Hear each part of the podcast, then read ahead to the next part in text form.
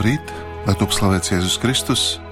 Šodienas svētbrīdī ar jums kopā ir Katoļu baznīcas biskups, Svētās Marijas Magdalēnas draugs prāvests Andris Kravalis. Darbie Latvijas radio svētbrīža klausītāji! Ieklausīsimies šodienas liturģijas svētā Lūkas evaņģēlīja fragmentā, kas ir izvēlēts no desmitās nodaļas, sākot ar 38. pantu. Tajā laikā Jēzus nonāca kādā ciematā un kāda sieviete vārdā Marta viņu uzņēma.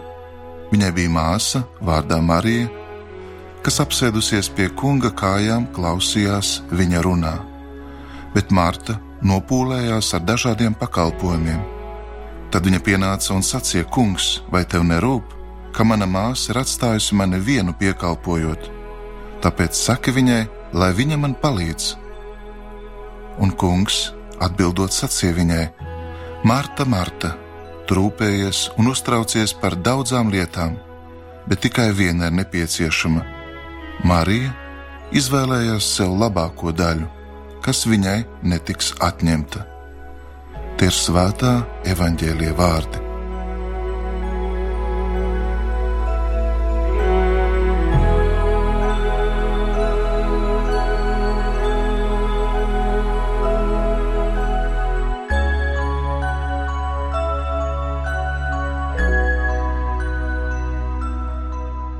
Cienījamie radio klausītāji, vēlos kopā ar jums tikko dzirdētā evaņģēlīja gaismā pārdomāt par kristīgās dzīves pamatnostājām - lūgšanu, viesmīlību, mīlestību uz Jēzus vārdiem un arī kalpošanu. Šodienas evaņģēlīja lasījumā galvenās varonas ir Marta un Marija. Ģimene, kas dzīvo Betānijā, netālu no Jeruzalemes, kur ir divas māsas un viens brālis Lācars. Jāņa evanģēlīja 11. nodaļā lasām, ka Jēzus mīlēja Martu un viņas māsu un arī Lācaru. Liekas, ka Marta, Marija un Lācars bija vēl gados jauni cilvēki. Par viņu vecākiem nav nekas zināms, bet evanģēlijā detalizēti ir aprakstīta Lācara slimība, viņa nāve, skumjas par viņa aiziešanu, Lācara nāve un viņa uzmodināšana no mirušo valstības kļūst par izteiksmīgu zīmi jūdiem kurā Jēzus pats pasludinās savu dievišķo izcelsmi un savu augšām celšanās notikumu. Šī ģimene ieņem īpašu vietu Jēzus kalpošanas pēdējā posmā, kad viņš jau būs Jeruzalemē. Pats vietas nosaukums Betānija ir viesmīlības, uzticīgas kalpošanas kungam simbols. Baznīcā arī tagad ir vairākas dievam veltīto personu ģimenes, kuras ir izvēlējušās Betānijas vārdu kā savas sūtības un arī identitātes vārdu. Iepazīsimies labāk ar šīm divām sievietēm, par kurām runā šodienas evaņģēlijas. Marija klausījās Jēzus sacītajā, bet Marta norūpējās ar dažādiem pakalpojumiem. Patiešām Marta bija stipra un drosmīga sieviete, bet neprat atrast laiku dziļākai sirds lūkšanai, ko kristīgā tradīcijā mēs saucam par kontemplāciju. Marta mainīsies, evanģēlists Jānis dos skaistu liecību par Martas ticību. Viņa būs tā, kas pēc viņas brāļa Lācara nāves teiks: Kungs, ja tu būtu bijis šeit, mans brālis nebūtu nomiris. Bet es arī tagad zinu, ka visu, ko tu no dieva lūgsi, Dievs tev dos. Kungs, es allaž esmu ticējusi, ka tu esi Kristus, dzīvā Dieva dēls. Cik skaisti Martas vārdi! Marta īpašā veidā ir aktuāla šodien, jo liek mums saprast aizņemtības briesmas. Patiešām mēs varam iet uz baznīcu, bet pēc tam justies nemitīgi un nepārtraukti aizņemti. Mums var pietrūkt laika bērniem, nav laika ar viņiem parotaļāties, mums nav laika saviem vecākiem, mums nav laika draugiem. Varbūt tā, ka mēs esam pārņemti ar sevi, ar lietām, ko mēs darām, un neredzam citus. Mēs taču bieži sakām, man ir tik daudz darba, esmu tik ļoti aizņemts. Un, protams, nenoliedzami mēs visi nemitīgi kaut ko darām. Bet vai mēs atrodam laiku, gudrību un spēku apstāties, uzlūkot kungu, paņemt rokās evaņģēlīja grāmatu, ieklausīties kunga vārdā un atvērt savu sirdi. Protams, tas, ko mēs visi ar tādu dedzību darām, ir labi, bet bieži vien tas ir tikai cilvēciskais, nekristīgais labums, ko veicam. Mums visiem pietrūkst kontemplatīvas skatiena, pietrūkst kontemplācijas, un tās pietrūka Martai. Viņa bija drosmīga, gāja uz priekšu, viņa ņēma situāciju savās rokās, bet viņai pietrūka miera, viņa neprata pavadīt laiku kunga priekšā. Turpretī Marija nodevās kontemplācijai, un tas nenozīmē neko nedarīt. Viņa uzlūkoja kungu, jo kungs aizkustināja viņas sirdi, un tieši no turienes, no kunga, viņa smēlās iedvesmu saviem turpmākajiem darbiem. Un tā ir svētā Benedikta regula, ora et labora, kas nozīmē lūdzies un strādā. Ar šo regulu dzīvo un dzīves līdzsvaru mēģina iegūt tik daudzi klauzūru mūki un mūķenes. Viņi nepavada visu dienu raugoties debesīs. Viņi lūdzās un strādā, strādā un lūdzās. Zīmīgi, ka to apliecina arī apustulis Pāvils, kad Dievs viņu izvēlēja, viņš negātu līdz prediķot un pārliecināt pasauli, bet, kā saka svētie raksti, galatiešu vēstulē pirmajā nodaļā, viņš vispirms nodevās lūkšanai. Tas ir Jēzus Kristus noslēpuma kontemplācijai. Tur mēs arī atrodam šo svešvārdu, uzlūkot mūsu pestīšanas noslēpumu ar dziļu mīlestību un ticību. Viss vēlāk, ko Pāvils darīja, tika veikts šajā kontemplācijas garā. Ceru viņa sirdi runā pats kungs, jo viņš bija iemīlējies kungā, un lai mēs nekļūdītos, atslēgas vārds ir iemīlēties. Patiesas kristietis ir tas, kurš mīl kungu, bet vēl vairāk viņš ir iemīlējies kungā. Lai mēs kā kristieši nenomaldītos savā dzīvē, ir vērts pievērst uzmanību šim atslēgas vārdam iemīlēties. Arī atklāsmes grāmata par to runā, sakot, mums ir jāatgriežas pie pirmās mīlestības, pie šīs iemīlēšanas, attieksmes, kas mums ir sākumā ļausi iepazīt patiesību. Piekritīsiet, iemīlēšanās mūs dara jaunus, stiprus, dedzīgus, Iemīlēšanās kungā dāvās spēku un gudrību smelt no dieva iedvesmu ikvienai savai darbībai. Marta un Marija, par kurām runa evaņģēlīs mums rāda priekšzīmi. Kā sevi ieraudzīt pareizā gaismā, kā saprast savu stāvokli, kā aprēķināt, cik daudz mūsos ir Martas un Marijas? Atbildot uz šo jautājumu, uzlūkosim to kopā ar Svēto Tēvu Pāvestu Francisku. Svētais Tēvs mūs mudina uzdot vienu jautājumu: vai esmu iemīlējies kungā, vai esmu drošs par viņa mīlestību, vai varbūt esmu ne šāds, ne tāds kristietis, kurš kaut ko dara, bet neieliek, darot savu sirdi un neatrodu laiku kontemplācijai. Kristieša ceļš, Svētais Tēvs saka, ir kontemplācijas un kalpošanas ceļš, un kā tādu uzskatāmu ilustrāciju Pāvests Francisks aicina uzlūkot ģimenē vīra un sievas attiecības. Kad vīrs atgriežas mājās no darba, sieva viņu sagaida. Sieva, kura ir patiesi iemīlējusies savā vīrā, nevis liek viņam apsēsties un pati turpina skriet un darīt mājas darbus, bet labprāt izmanto laiku, lai pabūtu kopā ar savu vīru. Tāpēc arī mēs esam aicināti vispirms veltīt laiku kungam, lai varētu labāk kalpot saviem līdzcilvēkiem. Cik laika dienā es pavadu kunga priekšā, vai es pārdomāju, iedziļinos viņa noslēpumos, kā es strādāju, vai es daudz strādāju, lai bēgtu no realitātes, vai arī strādāju saskaņā ar savu ticību, vai mans darbs ir kalpošana, kā to māca evaņģēlijas. Tie ir tie jautājumi, uz kuriem šodien mēs mēģināsim kopīgi atbildēt. Kontemplācija mums ļauj redzēt visas lietas to kopējā kontekstā, savstarpējā saistībā, bet kamēr tās mēs tikai uzlūkojam un tās nav saistītas ar darbību, mēs vēl esam tālu no pilnības. Tieši tāpēc Marta un Marija, kā divas māsas, ir nesaraujami saistītas. Martas un Marijas stāsts Lūkas evanģēlijā īstenībā parāda attiecības starp būt un darīt. Cik svarīgi, ka šīs attiecības ir pareizas, pareizas attiecības starp darbību un kontemplāciju. Šī gadījumā Marta pārstāv darbīgu, aktīvu dzīvi, dzīvi, kādu mēs dzīvojam katru dienu ar tās prasībām, strādāt, pieņemt lēmumus, izdarīt izvēles. Savukārt Marija ir mūsu būtības kontemplatīvā, meditatīvā daļa, jeb būtība, un Marija mums māca klausīties, apcerēt, apklust, lasīt, asimilēt.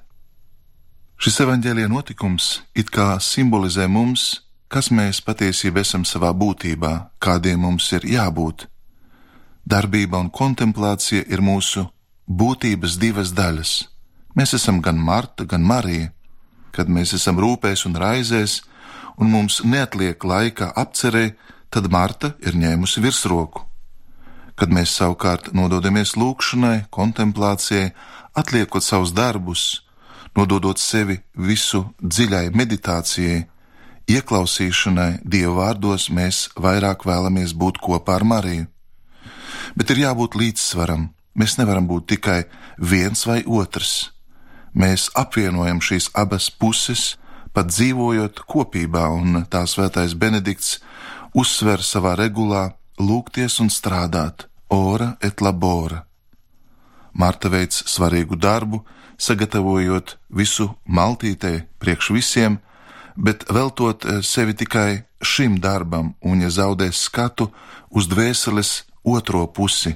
Savukārt Marija ar dziļo uzmanīgo ieklausīšanos Jēzus vārdos ir tuvāk Jēzum, un ne par velti Jēzus Martai atgādina: Marta, Marta, tu rūpējies par tik daudzām lietām.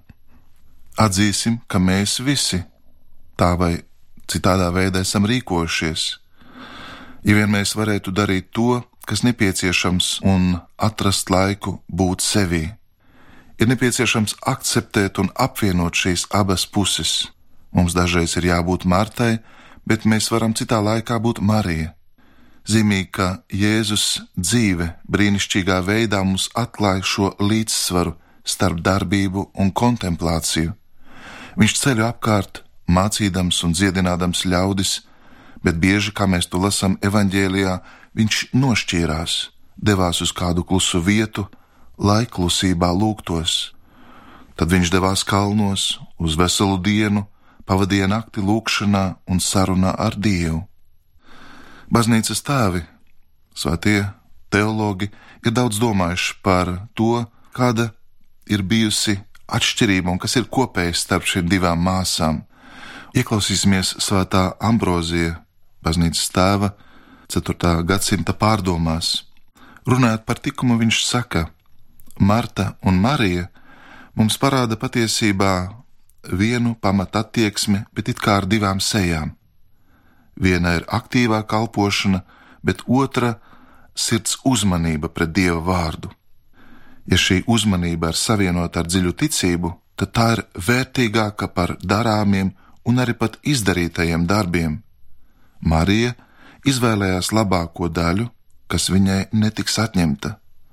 Tāpēc pūlēsimies arī mēs iemantot to, ko neviens mūs nespēs atņemt un eh, jo mēs ar lielāku uzmanību, mīlestību patiešām paturam Dievu vārdu kā sēklu savā sirdī, neļaujot tai krist ceļmalā, kur tā aiziet bojā un nenes augļus, mēs arvien vairāk ejam dievišķā gudrībā.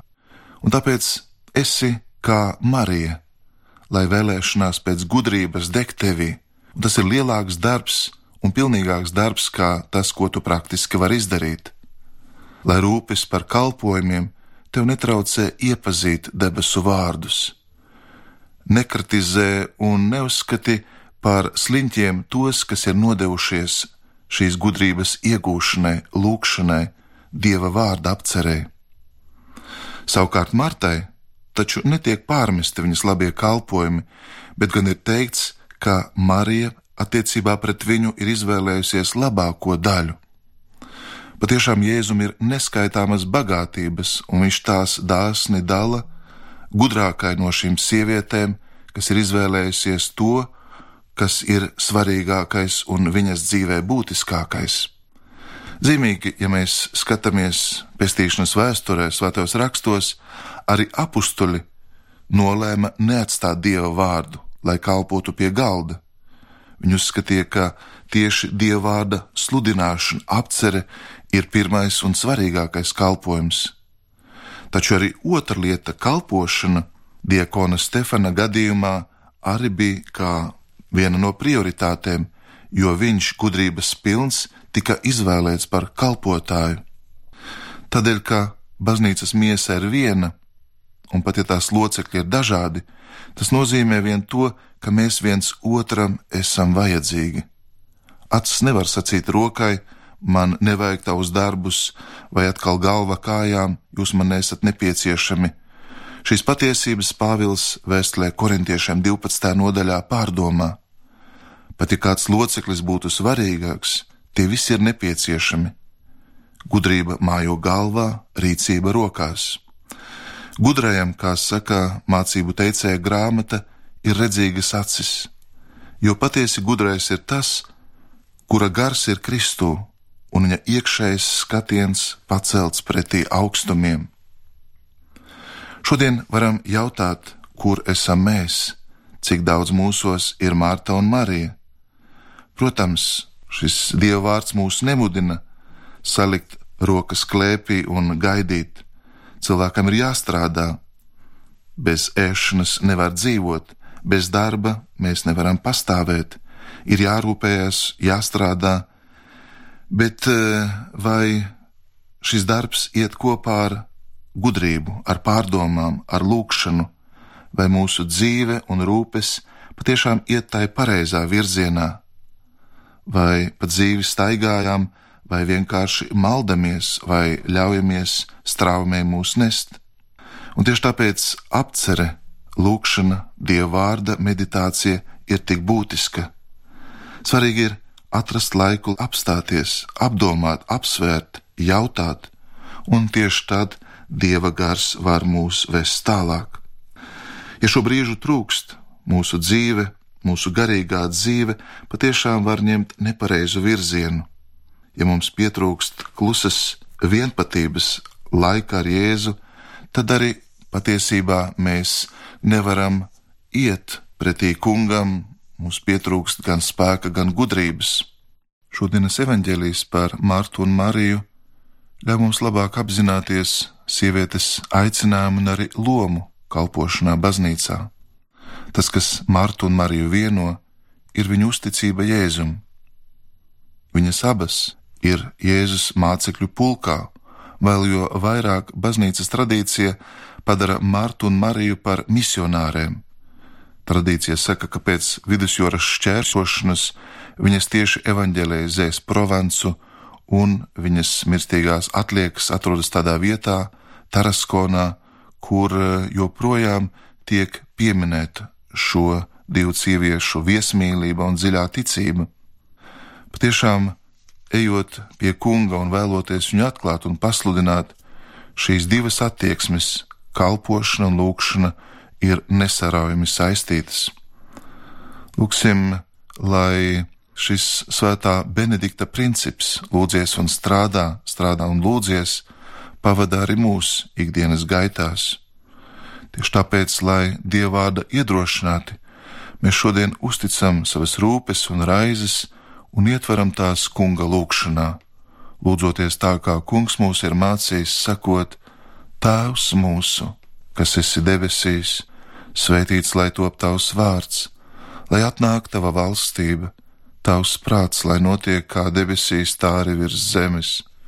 Mūsu dienascho maizi dod mums šodien, un piedod mums mūsu parādus, kā arī mēs piedodam saviem parādniekiem, un neieved mūsu kārdināšanā bet atpestī mūs no ļauna, jo tev pieder valstība, spēks un gods mūžīgi mūžos Āmen. Šodien, šī kunga dienā, mēs gatavojamies arī svinēt Svētās Marijas Magdalēnas, kas ir līdzvērtīga apstuļu kalpošanai, kas ir īpašā veidā paaugstināta kā viena starp apstuļu apstuliem, Gribās novēlēt, lai caur viņas aizbildniecību mēs īstenojam šo Martas un Marijas aicinājumu savā dzīvē, un lai Dieva svētība, viņa žēlastība jūs visus pavada tēva un dēla un svētā gara vārdā Āmen. Ar jums kopā svētbrīdī bija Romas katoļu baznīcas bīskaps Marijas Magdalēnas draugs prāvests Andris Kravalis.